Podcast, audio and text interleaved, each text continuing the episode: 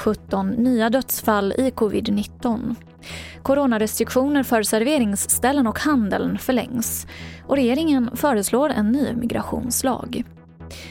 TV4-nyheterna börjar med att 17 nya dödsfall har rapporterats in i covid-19 och totalt har nu 13 595 personer avlidit av sjukdomen i Sverige.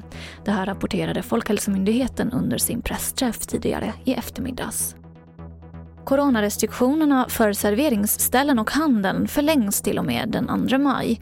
Det här har Folkhälsomyndigheten beslutat och anledningen är den höga smittspridningen i landet.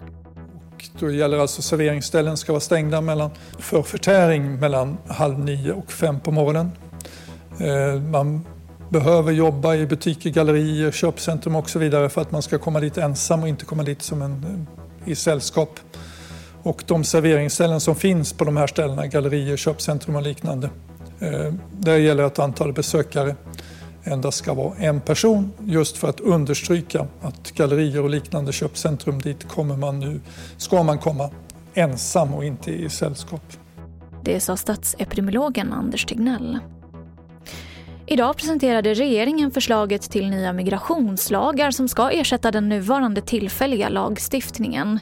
Ett förslag är att uppehållstillstånd som regel ska vara tidsbegränsande. Och för att få permanent uppehållstillstånd så ska man kunna försörja sig själv och det ska krävas grundläggande kunskap i svenska och samhällskunskap. Och mer om det här finns på tv4.se. Och jag avslutar med att förutom antikroppar så kan T-celler vara ett tecken på om man är immun mot covid-19.